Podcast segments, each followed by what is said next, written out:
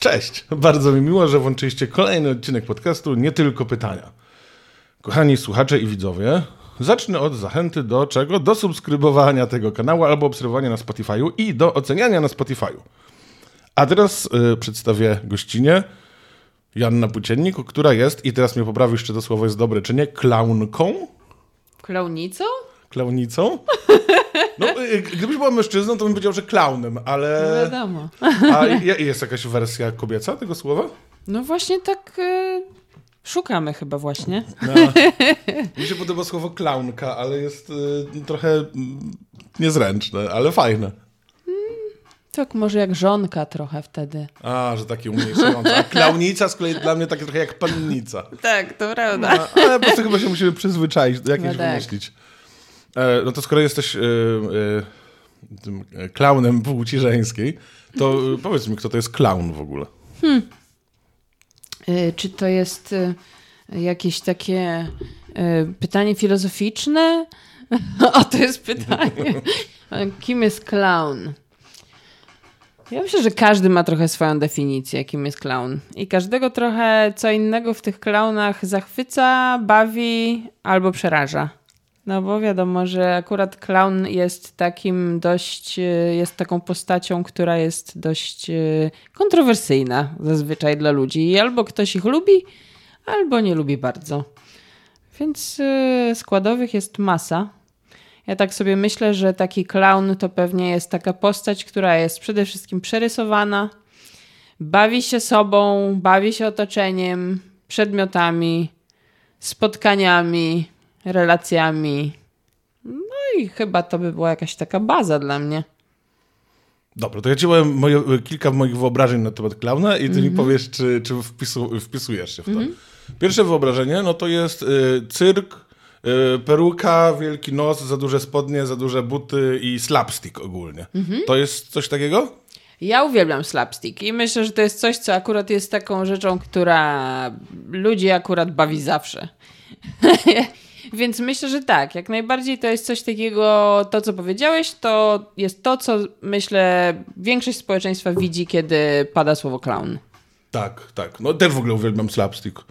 Jestem chyba w mniejszości y, komików, których znam, ale dla mnie slapstick to jest najwyższa forma komedii, właśnie coś, co się nie starzeje. Uwielbiam. Dokładnie, Jakby, dokładnie. Sorry, to jest śmieszne po prostu.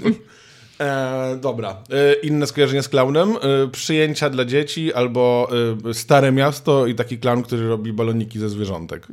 I dzieci Mm, to zabawia. jest coś, co z kolei jest takim skojarzeniem, które myślę, że robi nam kuku właśnie, jeśli chodzi o środowisko. To jest trochę tak, bo ja jakby głównie to jestem mimką. Zajmujemy się całym naszym teatrem e, pantomimą i teatrem ciała. E, I ta część klaunadowa to jest tylko jakby część, element e, naszych działań, naszej pracy. Ale mówię to dlatego, bo mam takie porównanie trochę, że jak ktoś myśli mim, a przychodzi mu do głowy postać na starówce, która jest ubrana w kaptur i bije kijem w podłogę, w bruk, to mam takie. Mm, to jest właśnie to, co jak pada słowo clown, a ty myślisz sobie takie rozśmieszanie, takie, żeby było zabawnie dla dzieci, więc prymitywnie, więc duże, ale tak nie bardzo ogarniasz w ogóle o co tu chodzi, nie? I zróbmy im balona, będą się cieszyć. Więc no myślę, że to wszystko może być, ale jeśli jest robione ze smakiem, mimo wszystko. Mimo wszystko, no właśnie, a propos mimów. Ha!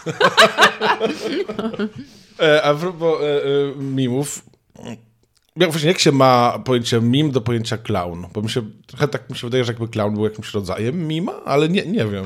No bo clown nie mówi, nie?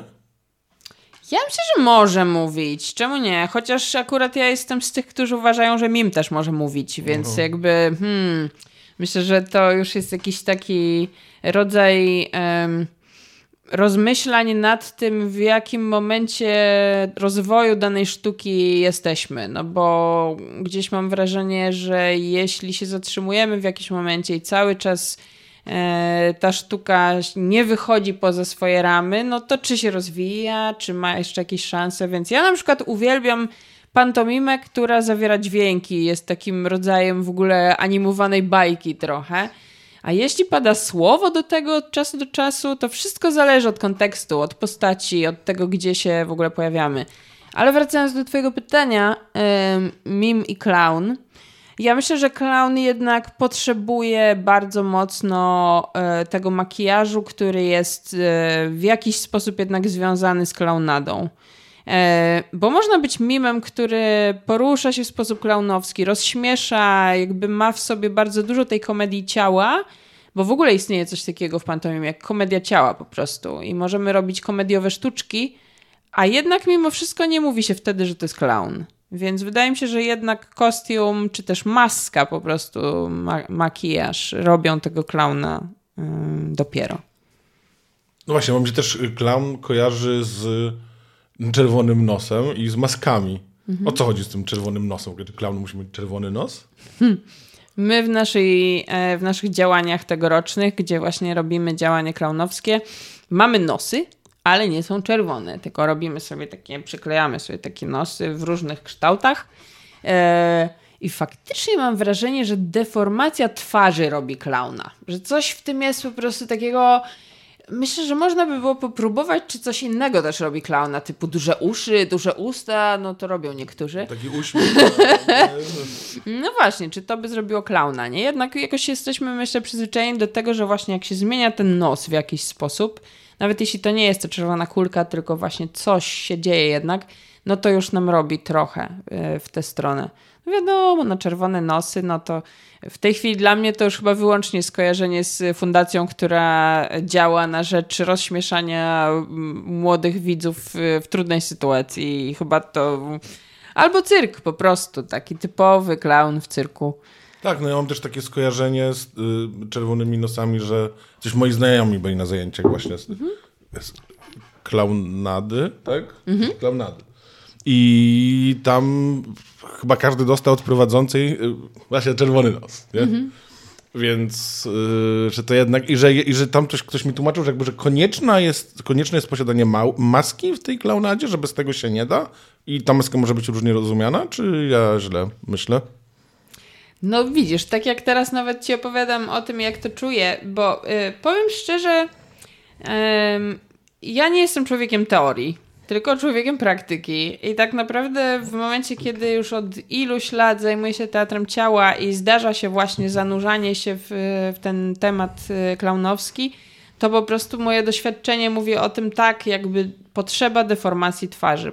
To jeśli to jest maska jakiegoś, to robi tą maskę jakiegoś rodzaju. Stwarzam postać, dzięki której czuję, że nie jestem sobą, która sprawia, że jestem postacią po prostu już od jakiegoś momentu. I, mm, no i to mega buduje, już zupełnie robi mnie kimś innym. A chyba to chodzi przede wszystkim. No to a propos praktyki. Yy, uwaga, skaczę daleko. Kto to jest Beza? Beza to jest moja postać, e, którą zbudowałam właśnie w tym roku.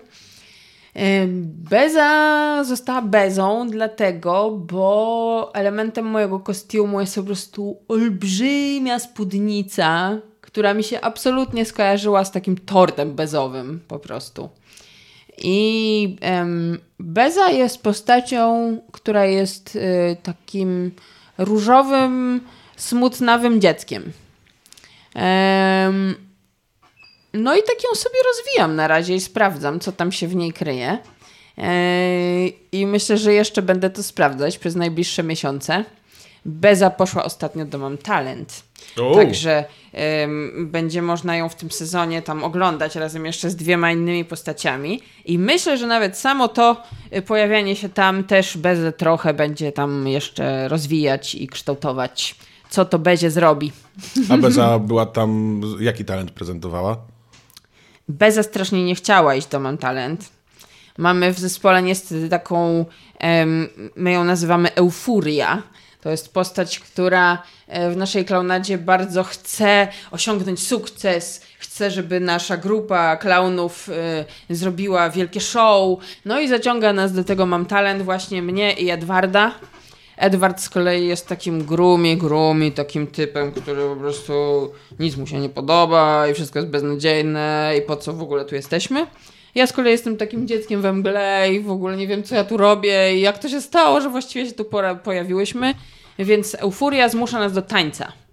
No i odtańcowujemy z kołami takimi właśnie do hula hop y, bardzo złą choreografię, do której chcąc ją uratować jakkolwiek y, y, zaprosimy jednego z jurorów.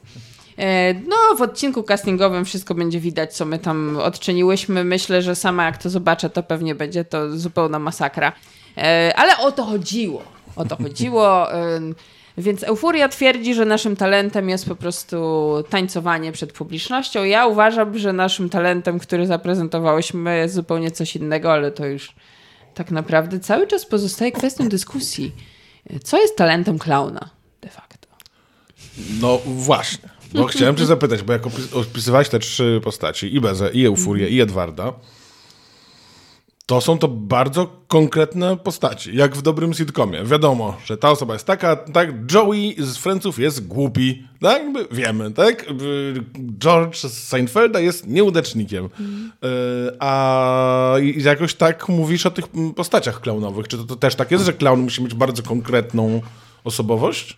Mm, myślę, że generalnie to jest dobre do budowania mm, postaci, nie tylko jeśli chodzi o klaunadę byłam kiedyś na takich fantastycznych warsztatach e, scenariuszowych, e, które prowadzi Marcin Czomba i jest w ogóle genialnym e, scenopisarzem, który bazuje na enagramie.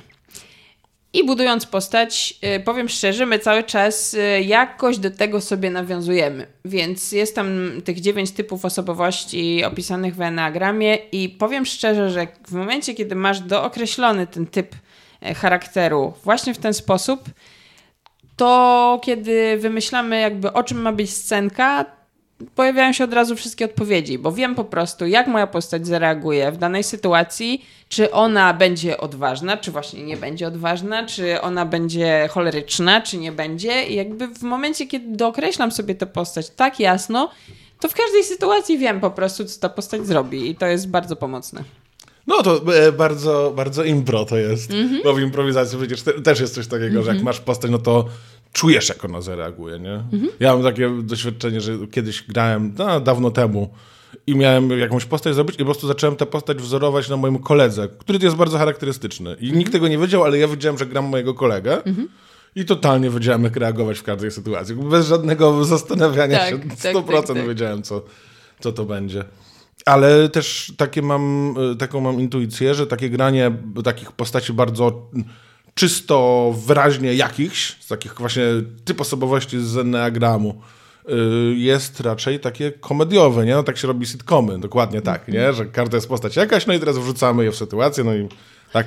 Tak, tak, w ramach w ogóle Enneagramu jakby masz y, trzy poziomy znaczy, to wiadomo, że to tam trudno dookreślać, że to jest dokładnie trzy poziomy, ale ja jak sobie o tym czytam jakoś i to sobie przyswajam, to faktycznie jakby typ może być albo rozwiniętym typem, czyli wtedy mamy postać, która mimo tego, że jest danym typem, to jednak jakoś się rozlewa trochę na inne typy, rozumie tych innych ludzi, samego siebie i tak dalej. Ale co jest ciekawe przy budowaniu postaci przy pomocy enagramu, to właśnie nie ten typ rozwinięty, tylko ten typ po prostu najbardziej prymitywny, czyli jakby jeśli patrzymy na typ enagramu, to właśnie bierzemy największe te po prostu przywary, rzeczy, które po prostu tak mocno wyciągają, co sprawia, że jesteś akurat tą cyferką w enagramie. I, I to buduje nam tę klaunadę, no bo w tym momencie zaczynamy pracować właśnie na przywarach, na wszystkich zachowaniach, które są najbardziej skrajne, jakie tylko można sobie wyobrazić. I nawet właśnie sprawdzałam e, dla danej postaci, jakby jakie jakiego typu choroby, czy jakieś takie właśnie skręty osobowościowo-psychologiczne e, mają, do jakich, jakie mają tendencje te postaci, więc po prostu też potem bawiąc się tym yy, korzystamy sobie z tego, że aha, ta to w ogóle może mieć taki katatoniczny wręcz na przykład choleryczny sposób reagowania, że aż ją po prostu zamraża na przykład. No i wykorzystujemy to później właśnie w, w, tym, jak wchodzimy sobie do parku z tymi naszymi postaciami, robimy jakąś scenkę i zdarza się, że właśnie nasza euforia szefowa właśnie w pewnym momencie ma tak się wkurzy po prostu, że już nie może i aż ją po prostu totalnie ją zatrzymuje i trzeba ją potem ratować z tego. To John Cleese y, z Monty Pythona, on tak grał właśnie, że jak, się, jak jego postać się miała wkurzać, to często się nie wkurzała wariując, tylko prostu... Mhm. E, no i właśnie, to mi się wszystko kojarzy z komedią. I teraz, czy clown i w ogóle klaunada musi być śmieszna? Hmm, rozważamy to, powiem szczerze, teraz, budując najbliższą scenę dla naszych klaunic. Ponieważ myślimy sobie, no dobra, już rozśmieszyłyśmy, już wiemy, jak te postaci działają, żeby rozbawić, ale przecież clown ma taki mega potencjał do tego, żeby wzruszyć też i żeby pokazać cały jakiś taki ocean głębin emocjonalnych. I dokładnie nad tym się zastanawiamy, co by było i czy to wciąż jest dla widza takiego przeciętnego, interesujące, ciekawe, wciągające, albo nawet w kontekście tego mam talent, na ile to jest coś, co daje potencjał do pokazywania tych postaci w pełni.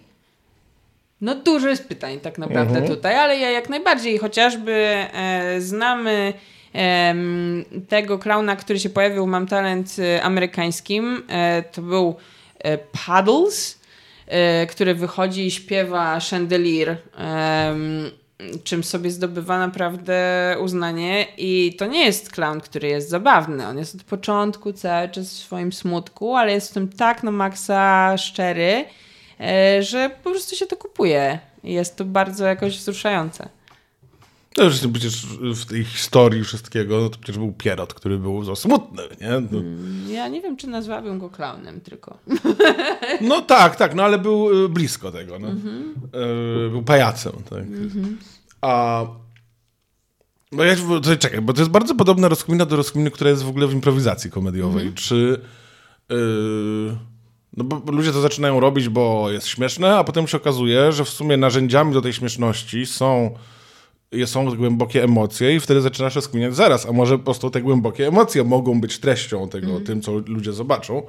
No i moja osobista teoria, jeżeli chodzi o improwizację, jest taka, że jednak mimo wszystko te głębokie emocje są narzędziem do rozśmieszenia. Że one po prostu pozwalają skutecznie rozśmieszyć, a rozśmieszając być może coś pokazać, ale jeżeli widzę scenę impro, która ma bardzo głębokie emocje i się kończy, to mam wrażenie, że widziałem pół sceny impro. W sensie, że początek, który ma mnie, zbudo- ma mi zbudować emocje, no jest trochę jak w horrorze, nie? Najpierw wiemy, kim są postacie, jakiś świat i potem możemy straszyć. To tutaj zbudujemy świat i możemy śmieszyć. I nie wiem, nie mam pojęcia, czy tak jest yy, yy, z klaunowaniem, szczerze mówiąc, ale... To ja mam jeszcze poczucie, że y, mamy, ym, mamy tę radość y, i, i te możliwości y, tworzenia, że my jednak najczęściej idziemy w formę y, typu spektakl. I w momencie, kiedy idziemy w formę typu spektakl, ja mogę sobie pozwolić na wszystko w tym momencie. Jedna scena może być zabawna, druga może być w ogóle niezabawna, ale ostatecznie do czegoś tam zmierzamy, jest jakaś dramaturgia tego wszystkiego. E, więc y, ja chyba mam na odwrót, wiesz, że to jest jakby, jeśli ja się decyduję na jakiś temat, to myślę sobie, ale super, mogę po prostu pogrzebać w tym temacie, nawet jeśli to jest najtrudniejsze, to jeśli to zrobię dzięki klaunowi, to to wciąż jest do kupienia dla większości ludzi. A jakbym o tym mówiła w jakiś sposób, nawet nie wiem, teoretyzując, czy mówiąc, robiąc scenę dramatyczną, em, robiąc monodram, no to mogłoby to być niezjadliwe. A w momencie, kiedy się decydujesz jednak, że dobra, clown to zrobi, nie? No to przecież jak clown to zrobi? Nawet jeśli to będzie w jakiś sposób trudne, to i tak ta postać jest tak przerysowana, że no kurde, jakoś jest to do zjedzenia po prostu, mimo wszystko. A treści przekazujemy. Mam nadzieję. A chodzi, yy, chciałbyś, żeby widz po zobaczeniu waszego spektaklu, żeby jego pierwsze zdanie było ale coś poczułem, czy żeby jego pierwsze zdanie było ale się dobrze bawiłem? Chyba nie jestem w stanie odpowiedzieć na to pytanie.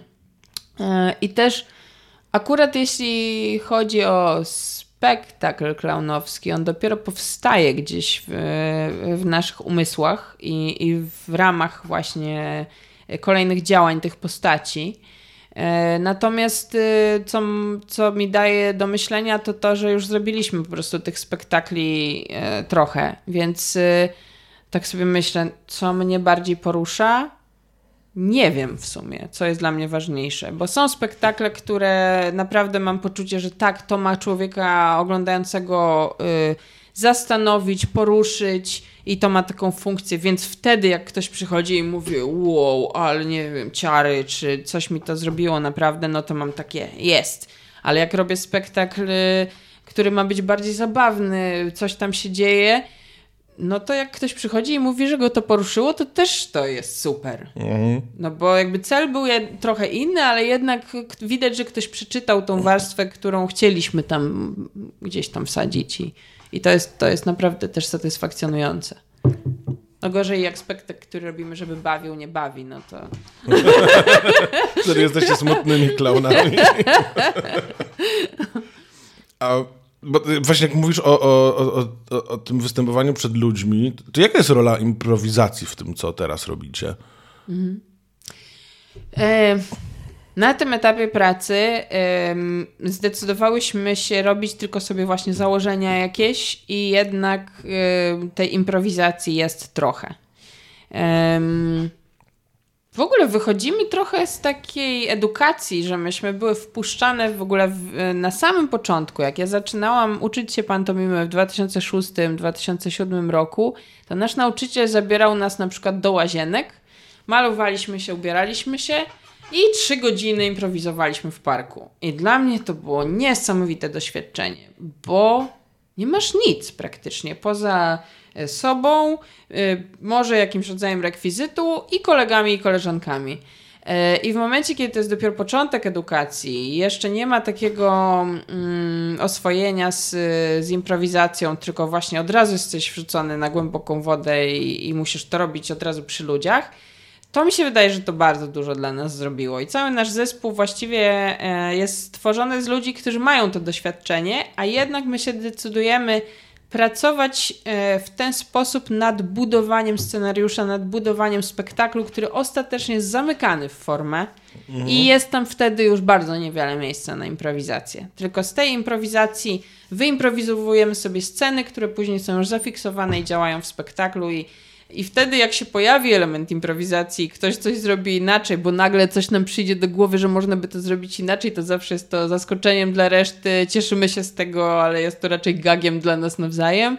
Czasami te rzeczy później z improwizacji i tak wchodzą do kolejnych mhm. spektakli, wiadomo, ale jednak właśnie ta improwizacja nam służy jako wyimprowizowanie scen do scenariusza. No trochę tak się skecze czasem pisze, że mhm. właśnie ludzie piszący skecze się spotykają, coś tam improwizują i, i ktoś notuje, tak. a potem to zamienia na, e, na sketch rozpisując. Czy jak rozumiem, zanim powstanie wasz taki scenariusz wykuty w skale, mhm. to trochę działacie jak jazz, nie? W sensie, że macie jakiś temat sceny, tak? Jakieś założenia. Trochę tak jak, to jest to pewnie bardzo spłaszczę, ale trochę jak Spadkobiercy, pamiętasz ten serial, nie? Absolutnie. No oni tam mają coś takiego, że ja wchodzę, potem ty wchodzisz i a potem wchodzi ktoś inny i się oświadcza jednemu z nas, a druga osoba jest zła, to wiedzą i potem grali i coś tam sobie gadali. Mhm. I, i, I rozumiem, że za każdym razem też macie po prostu wielokrotnie podczas różnych występów y, gracie tę scenę, ale właśnie sprawdzacie, co te wasze postacie w tych emocjach by mogły, tak?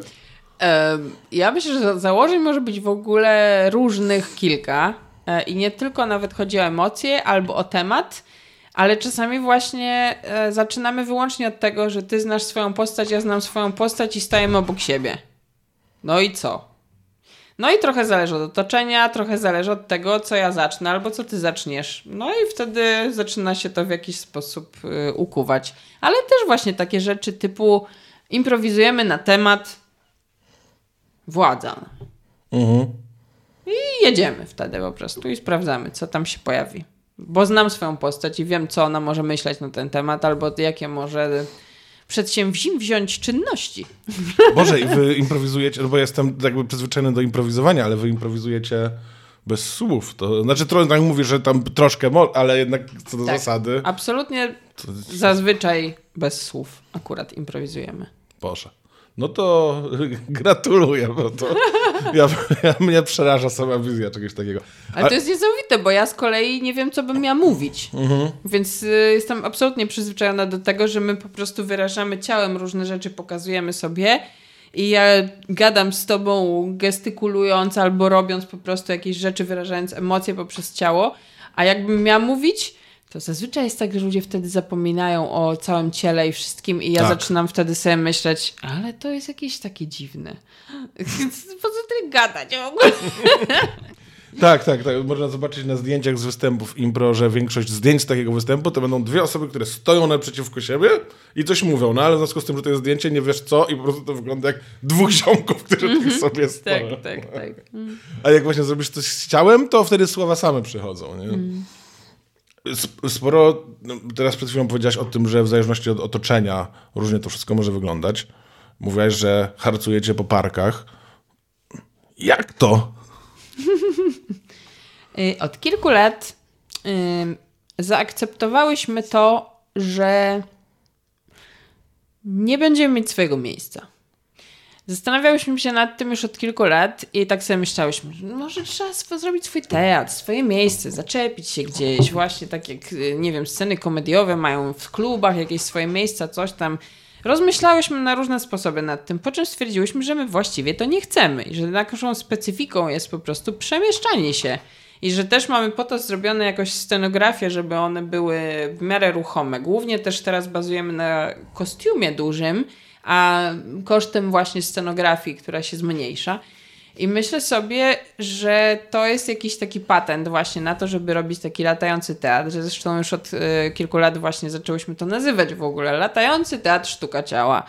E, I przemieszczamy się po różnych dzielnicach Warszawy. W ramach wakacji odwiedzamy różne dzielnice, różne parki. E, Informujemy naszych odbiorców, gdzie nas mogą zobaczyć, i o jakiejś godzinie pojawiamy się po prostu w danej przestrzeni. E, Spektakli, które pokazujemy, jest cała masa już w tej chwili, więc y, program jest zróżnicowany.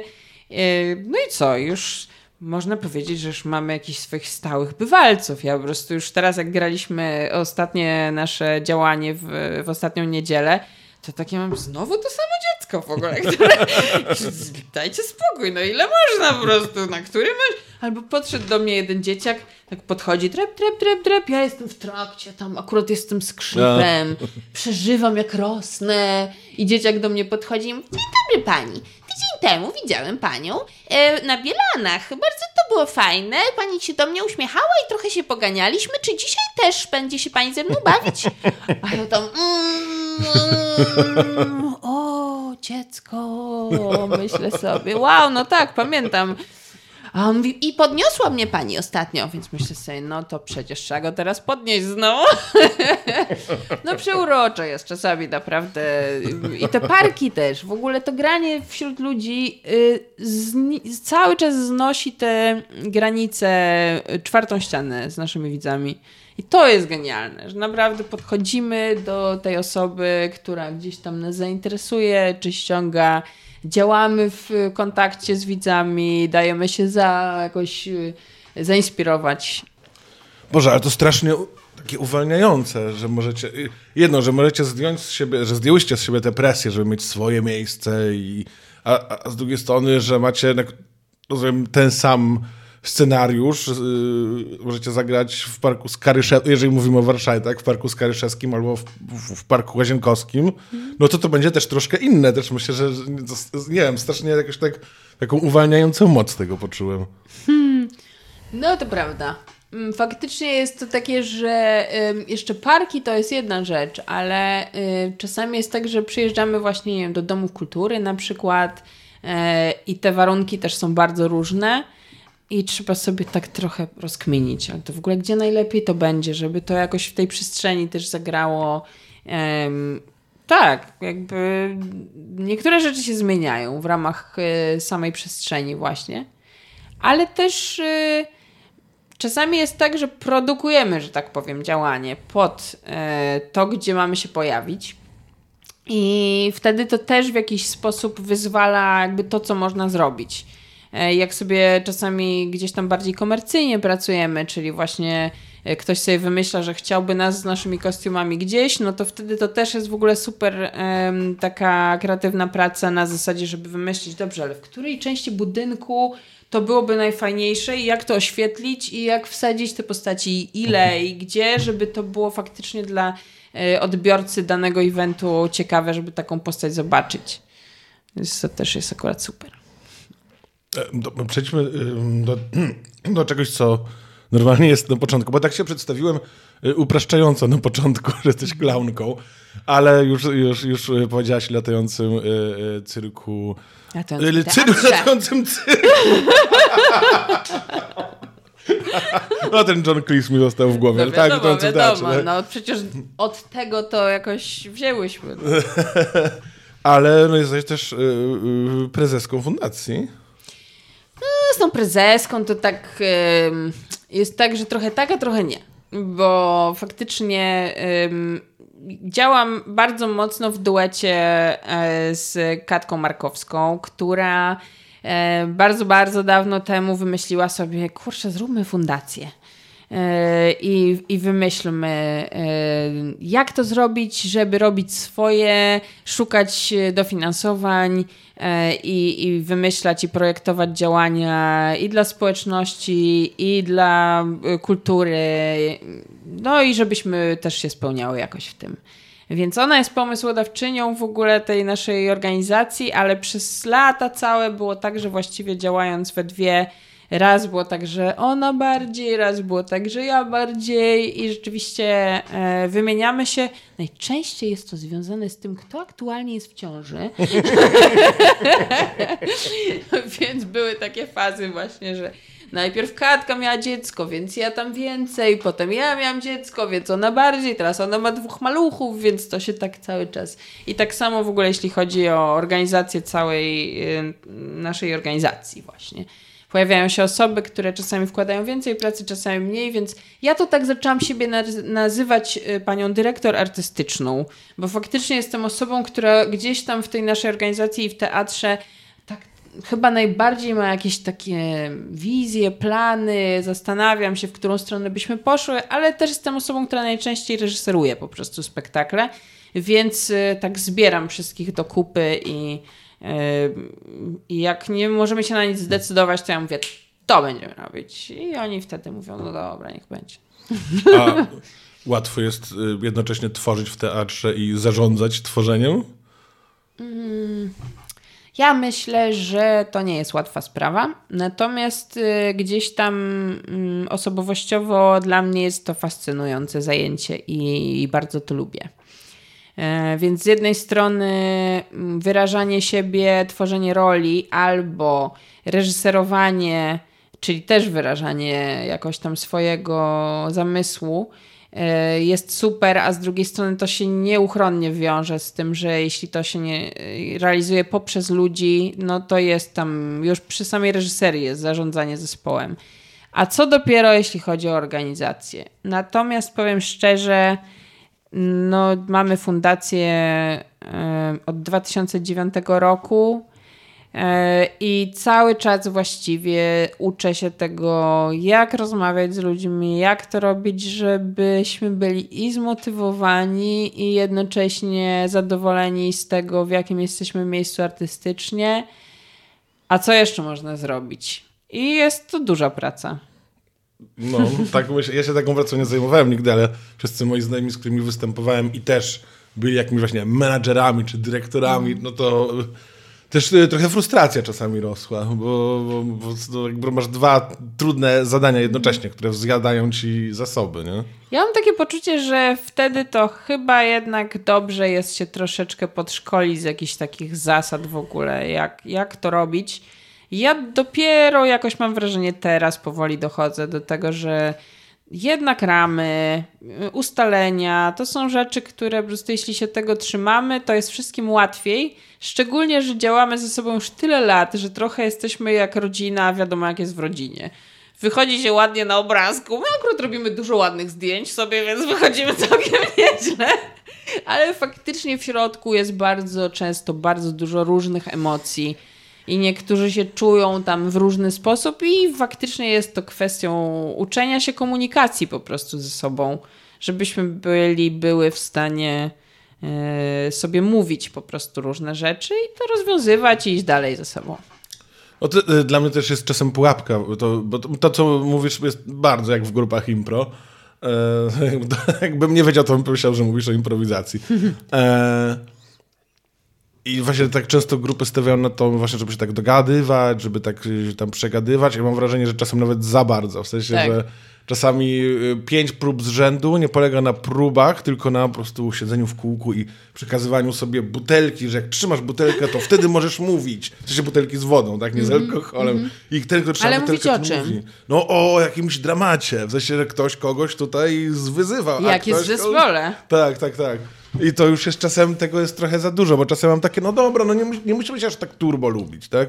I, Nie. i dla mnie zawsze, jak sobie myślę, jest taka osoba, y, którą ja lubię tak średnio, ona mnie lubi tak średnio, ale się szanujemy i świetnie nam się y, y, gra razem. Mhm. I jakby nigdy nie miałem potrzeby wyjaśniania sobie czegoś z nią, Mhm. bo po prostu jest tak, ale gra nam się dobrze. Ja też jakoś się staram y, coraz częściej wracać do tego, że okej, co jest naszym celem? Naszym celem jest to, żeby czuć się dobrze w naszym zespole, robiąc to, co kochamy. I rozwijać się w tym po prostu. Więc ja myślę sobie, że. Czy to ja tak bzyczę? To Chyba nie ja, więc bardzo możliwe, że y, wibruje ci telefon. Że mój? No, tam jest, sprawdź sobie, sprawdź. Tak głośno. Dzwonią koleżanki. Co on tak, tak strasznie głośno? no bo na krześle tam leży, to rezonuje. Dzwonią. Nie będę rozmawiać teraz przecież. No Inni hello. artyści dzwonią, słyszeli, co Przepraszam mówisz o tych bardzo. kłótniach. No dobra, no. Bo wiesz co, ta, tak trochę zapytałem o te fundacje, też dlatego, żeby y, słuchacz, łamany na widz, łamany na słuchaczkę, łamany na widzka, łamany na osoba... No wiecie, no wy, kochani, wy! Y, mogli trafić na, y, y, na was. Y, Co mam na przykład na Facebooku wpisać, żeby was znaleźć? Sztuka ciała. Po prostu sztuka ciała. Wszędzie właściwie. E, jesteśmy na Instagramie Sztuka Ciala, oczywiście. Jesteśmy na Facebooku Sztuka Ciala. No i gdzie jeszcze jesteśmy? Na razie jeszcze nas nie ma na TikToku, może wkrótce, kto wie. A, TikToka, myślę, że to się fajnie nadaje. Tak, myślę, że to się bardzo fajnie nadaje, tylko cały czas jeszcze nam brakuje e, takich mocy przerobowych, bo jednak mam poczucie, że naszym priorytetem cały czas jest robienie właśnie dużych form. Więc e, takie zabawy gdzieś, myślę, że tego się trzeba nauczyć po prostu, żeby chcieć być takim człowiekiem e, Instagrama czy człowiekiem TikToka, to to są rzeczy, które mam poczucie, trzeba robić sobie gdzieś tak na zasadzie bawię się swoim życiem, swoimi postaciami i w każdym momencie mam fantazję, żeby po prostu, a zrobić sobie filmik. Tak. I że wtedy to wciąż jest w tej takiej radości właśnie robienia i rozwijania się. No są tacy twórcy, którzy mają właśnie postać i w tej postaci coś mówią i to, to im pozwala. Fascynuje mnie to. Nie? Tacy, jest taka jakaś, ojej, zawsze zapominam jak się nazywa, Amerykanka, która jest normalnie jakąś taką zwykłą y, osobą, no, normalną aktorką, ale ma postać takiej strasznie głośnej, wulgarnej, y, robiącej tutoriale makijażowe dziewczyny, nie?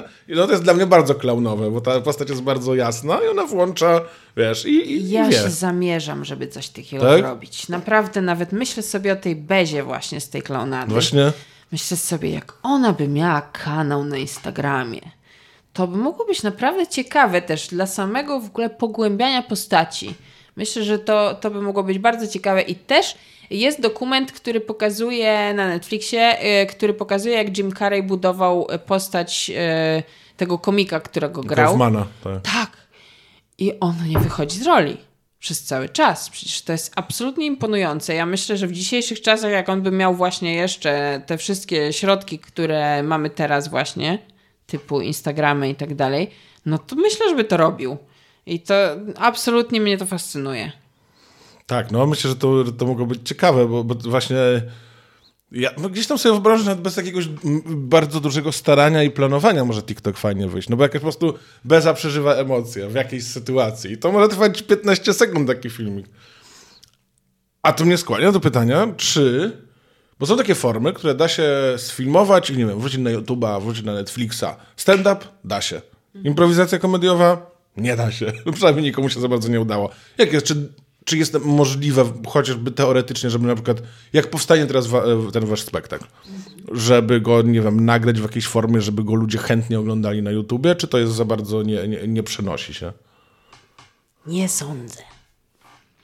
Tak sobie myślę, że właśnie prędzej. e, w ogóle to też jest e, troszeczkę kierunek naszego myślenia, że przez ostatnie dwa takie większe działania, w których e, powstają duże kostiumy e, i ta postać jest zarysowana, no bo poprzednim naszym działaniem były takie działania, w ogóle się skupialiśmy przez ostatnie dwa lata na bardziej ekologicznych klimatach i zrobiliśmy rośliny.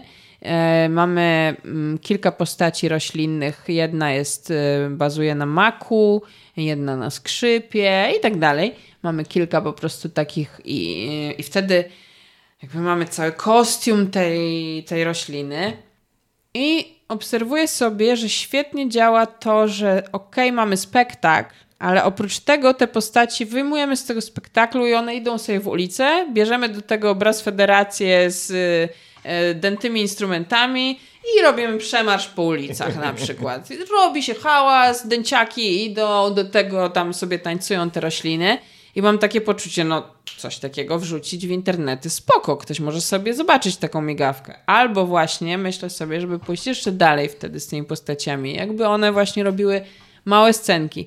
I w przypadku klaunady myślę, że to jest genialny pomysł po prostu, żeby te postaci em, wkładać je trochę tak w stylu reklamowym, na zasadzie zrobić serial kilkuminutowy. Co się dzieje z tymi postaciami? Co się wydarzy, jeśli one coś tam? Ale jeśli chodzi o spektakl, to myślę, że to jest w ogóle chyba niezrobialne, że tak powiem. Żeby ktoś siadał i oglądał e, coś, co nie jest e, tak szczegółowo zrobione jak seriale czy film. To jest bardzo trudne, żeby oglądać teatr nagrany, co zresztą naprawdę było widać w pandemii. Że w pierwsze momenty, jak ludzie byli tak super po prostu stęsknieni za teatrem, no to tak, odpalali, tam oglądali przez internety, online teatry, ale na Boga, no minęło tam pół roku, rok i wszyscy już mieli takie, no Jezu, no dobra, no już dajmy spokój, otwórzmy sobie tego Netflixa na nowo, no bo przecież tam przynajmniej wszystko jest szczegółowo, drobiazgowo zaplanowane, światło pokolorowane, to się przyjemnie ogląda po prostu. Więc myślę, że w ten sam sposób trzeba by było po prostu przygotować e, tego typu content. No też mi się tak wydaje. No wiesz, improwizacja online. Stand-up też miał straszne, straszne podejścia.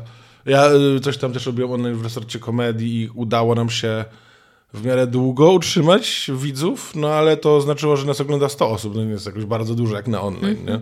Mm.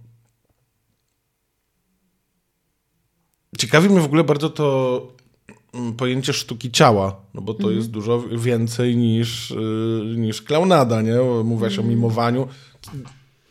Co rozumiesz przez to pojęcie? Co ty rozumiesz przez to pojęcie sztuka ciała?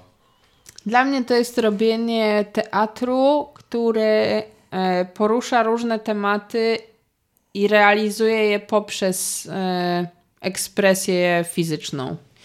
I faktycznie ta ekspresja jest bardzo różna w naszych spektaklach i wychodzimy od pantomimy, no bo tego się w pierwszej kolejności y, uczyłam, ale potem zaczęłam się uczyć tańca. Y, bardzo dużo gdzieś tam po drodze y, uczyłam się tańca współczesnego, przez co mam wrażenie, że ten ruch też jakby jest inny. A po drodze robiąc kolejne spektakle zaczęłam sobie szukać, no dobra, jak, jakbym chciała zrobić jeszcze coś innego dziwacznego, to co to by było. I zdałam sobie sprawę z tego, że tak naprawdę takie formy bardzo konkretne, właśnie typu pantomima, e, typu taniec współczesny, czy inne w ogóle dziedziny, które pokazują bardzo konkretne formy ruchu, są super ograniczające. Jeśli chcesz coś e, jakby realizować wyłącznie poprzez tę formę, to czasami dochodzisz do miejsca, którym masz ochotę wykrzyknąć coś, bo to jest najfajniejszą, jakby naj, najprostszą formą, żeby coś wyrazić, ale nie możesz, bo to jest pantomima. No to przecież się nie mówi w pantomimie. No i to takie momenty gdzieś mi pokazywały, że ej, no przecież to nie o to chodzi. No to co, ja mam robić pantomimę tylko po to, żebym mogła to nazwać pantomimą i nie móc zrealizować czegoś najprostszego dla widza w odbiorze, bo już to nie będzie pantomimą wtedy. Więc jakby ja mm, myślę sobie o tym, że ta sztuka ciała jest po prostu pojęciem tak szerokim wtedy, że ja nie muszę się ograniczać po prostu co do tego, jak, jakich środków mogę użyć, żeby najlepiej oddać to, co mam ochotę akurat w danym momencie przekazać. I to jest dla mnie to. Pantomima to nie hip-hop. Robiąc hip-hop, y, możesz stać się bogaczem. Robiąc sztukę ciała, pewnie niekoniecznie. Czy, czy wy robiąc sztukę ciała musicie też mieć jakieś inne prace, czy da się z tego wyżyć? Ja nie mam. Mhm. Przez jakiś czas było tak, że wydawało mi się, że mi się nie uda z tego wyżyć. I faktycznie wtedy równolegle na przykład pracowałam w korporacji albo równolegle pracowałam w instytucji kultury, albo w dziale promocji gminy jakiejś tam. E, albo potem myślałam sobie, no dobrze, co ja jeszcze tutaj mogę. Ale z czasem sobie zobaczyłam, albo nawet do teatru instytucjonalnego na przykład, żeby mieć etat. A potem sobie pomyślałam, no nie, no, jeśli rzeczywiście to ma iść w taką stronę, że jakby to ma się w jakiś sposób rozwijać i i ma być dla mnie też e, jakoś istotne, no to spróbujmy to tak zrobić, żeby faktycznie się z tego utrzymać. I myślę, że kiedy zaczynamy myśleć w ogóle w ten sposób, jak spieniężyć te nasze e, najbardziej radosne pomysły na przeżycie, to ten pomysł się musi znaleźć przecież. No dlaczego miałby się nie znaleźć? Więc tak sobie myślę, że po prostu ja jeszcze poszukam, jeszcze pogrzebie, bo na razie to powiem szczerze, rzeczywiście jest y, taki jakby obszar zarabiania pieniędzy w stylu wystarczy na przeżycie, y, jest ok, na wakacje pojadę, no ale wiadomo, no można by było chcieć sobie kupić jakiegoś e, fantastycznego auta albo większe mieszkanie. Znaczy dobrze, że mówisz o fantastycznym aucie albo nie o większym mieszkaniu, a, albo o większym mieszkaniu, a nie o chlebie. W sensie, że to, to jednak jest. No tak, tak. No tak, może ja coś muszę wymyślić, jak y, mój podcast spieniężyć. nie, no niby wiem, jak, ale trochę mi, mi się nie chce, bo co...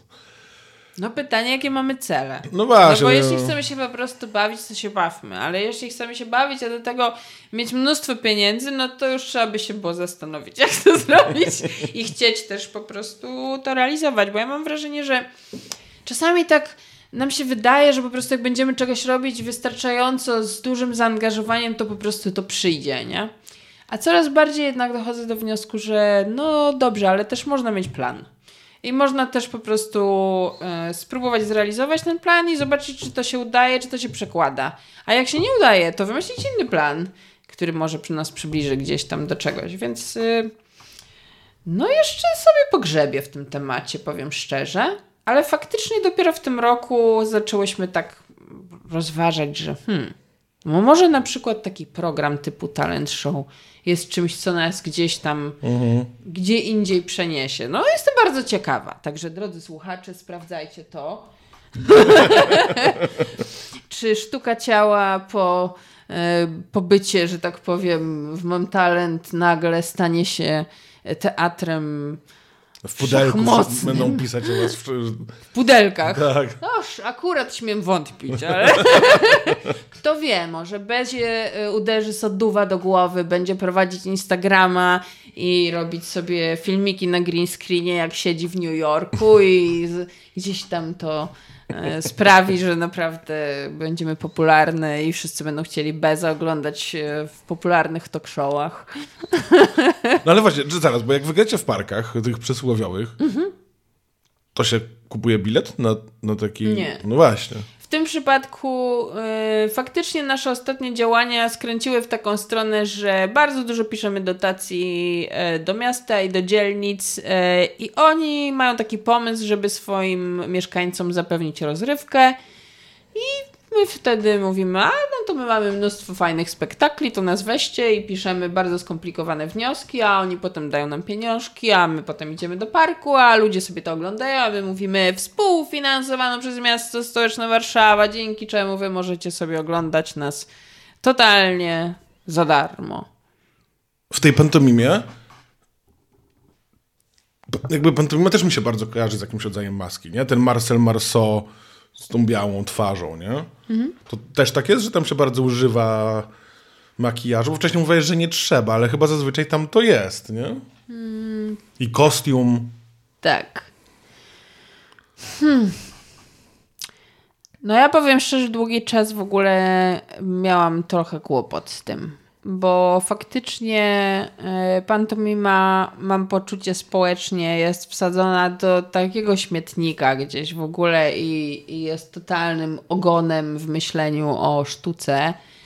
I absolutnie ludziom przez bardzo długi czas kojarzyła się właśnie z jakimś takim dziwadłem, które pojawia się na e, starówce i coś od ciebie chce i w ogóle strzepmy to z siebie. I w związku z tym mam poczucie, że właśnie takie gdzieś tam malowanie się, robienie właśnie tej białej twarzy jakoś mam wrażenie nie jest po prostu dobrze odbierane. Chociaż przez ostatnie lata i to paradoksalnie się dzieje poprzez filmy animowane, Dzieciaki coraz częściej zaczynają to konotować pozytywnie i mają takie tak, mim! No bo tam był gdzieś w jakiejś kreskówce, one widziały, że on robi taki, albo że się ktoś wydostaje z pudełka, które jest e, wyimaginowane i to się coraz częściej zaczyna kojarzyć z czymś super. I wtedy ja mam wrażenie, że rzeczywiście ta biała twarz e, przestaje być już takim jakimś mm, to to nie.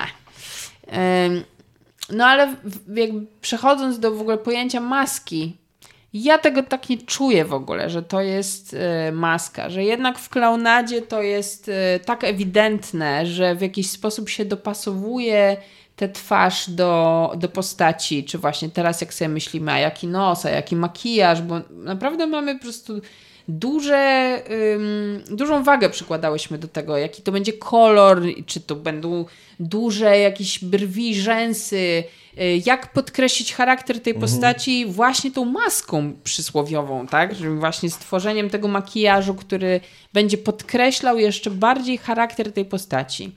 Natomiast w pantomimie mam wrażenie, że to jest właśnie jakiś rodzaj unifikacji, czegoś takiego, co sprawia, że każdy wygląda tak samo w jakiś sposób e, i co ma się dziać bardziej i przekazywać informacje, to jest wtedy ciało, które ma jakąś swoją określoną jakość. I ja mam wrażenie, że w pantomimie przez bardzo długi czas, e, szczególnie na przykład jak działał Marcel Marceau, to, to ja bym to odbierała w ogóle w taki sposób, że to jest taki everyman trochę. Że ten one man, one man show miał w jakiś sposób pokazywać po prostu postać człowieka, którym jakby każdy z nas mógłby być kimś takim.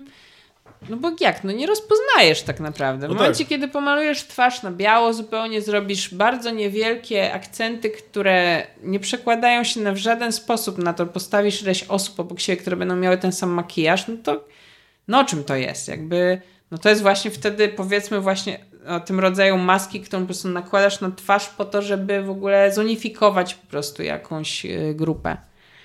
No, mm, ciekawe to jest. To jest. Yy, natomiast w pantomimie często było tak, że myśmy tego makijażu maskowego sobie nie robili, a bardziej się skupialiśmy w ogóle na budowaniu postaci mimo wszystko i pracy ciałem.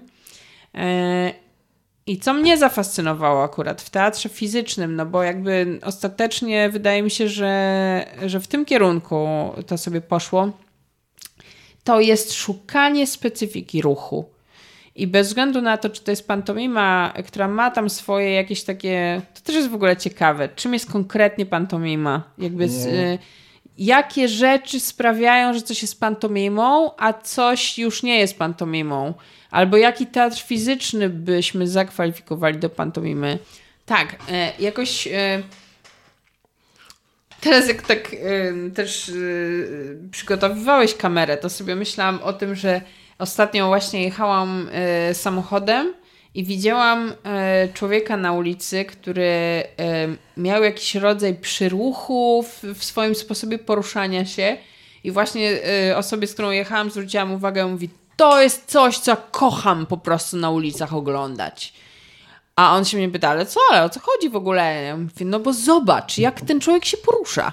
Jaki to jest w ogóle, to jest fantastyczne. Dla mnie to jest absolutnie fascynujące. Ja sobie bardzo dużo czerpię w ogóle z, z zewnętrza, z, z ulicy. I tak się cieszę, jak ludzie mają jakieś takie swoje, nawet czasami niepełnosprawności potrafią być absolutnie fascynujące i, i są jakąś taką inspiracją dla mnie do budowania postaci. Ale dlaczego to mówię? Właśnie mam takie poczucie, że e, co dla mnie jest teatrem fizycznym, takim najbardziej fascynującym, to jest szukanie jakichś takich dziwności w sposobach poruszania, jakichś e, jakości w ciele, które są w stanie oddać daną postać. I to w pantomimie się wydarza, ale, ale jakby mm, zaczęłam mówić o tym, co jest. Yy, w którym momencie zaczynamy mówić o pantomimie, a w którym to jest teatr, w którym momencie to jest jeszcze już tylko teatr fizyczny i aż. Więc w pantomimie z kolei super ciekawe dla mnie jest to, że bardzo dużo jest zabawy czasem, timingiem. I to jest z kolei mega też powiązane z klaunadą i ze, slap, ze slapstickiem. No właśnie, ze slapstickiem. Także ja totalnie kocham po prostu połączenia tego wszystkiego i właśnie zabawę tym, że jeśli coś akurat w tym momencie slapstick będzie najlepszy, to kurde bierzmy to, bawmy się tym. A jeśli akurat rozciągnięcie jakieś albo właśnie liryka większa ciała daje y, większe możliwości, no to możemy wszystko. I, I to też jest fascynujące, że ciałem można oddać właśnie tak dużo, a nie mówić nic. Super. No to słuchaj, bardzo Ci dziękuję za rozmowę. Dziękuję bardzo. Bardzo się miło rozmawiało. Yy, obczajajcie sobie spektakle. Yy, Zapraszam. No Sztuka ciała. Działamy. dziękuję bardzo i Wam, drodzy słuchacze, bardzo dziękuję. Zapraszam do tego całego obserwowania i oceniania na Spotify'u. To mi się bardzo przyda. Dzięki. Do usłyszenia w kolejnym odcinku.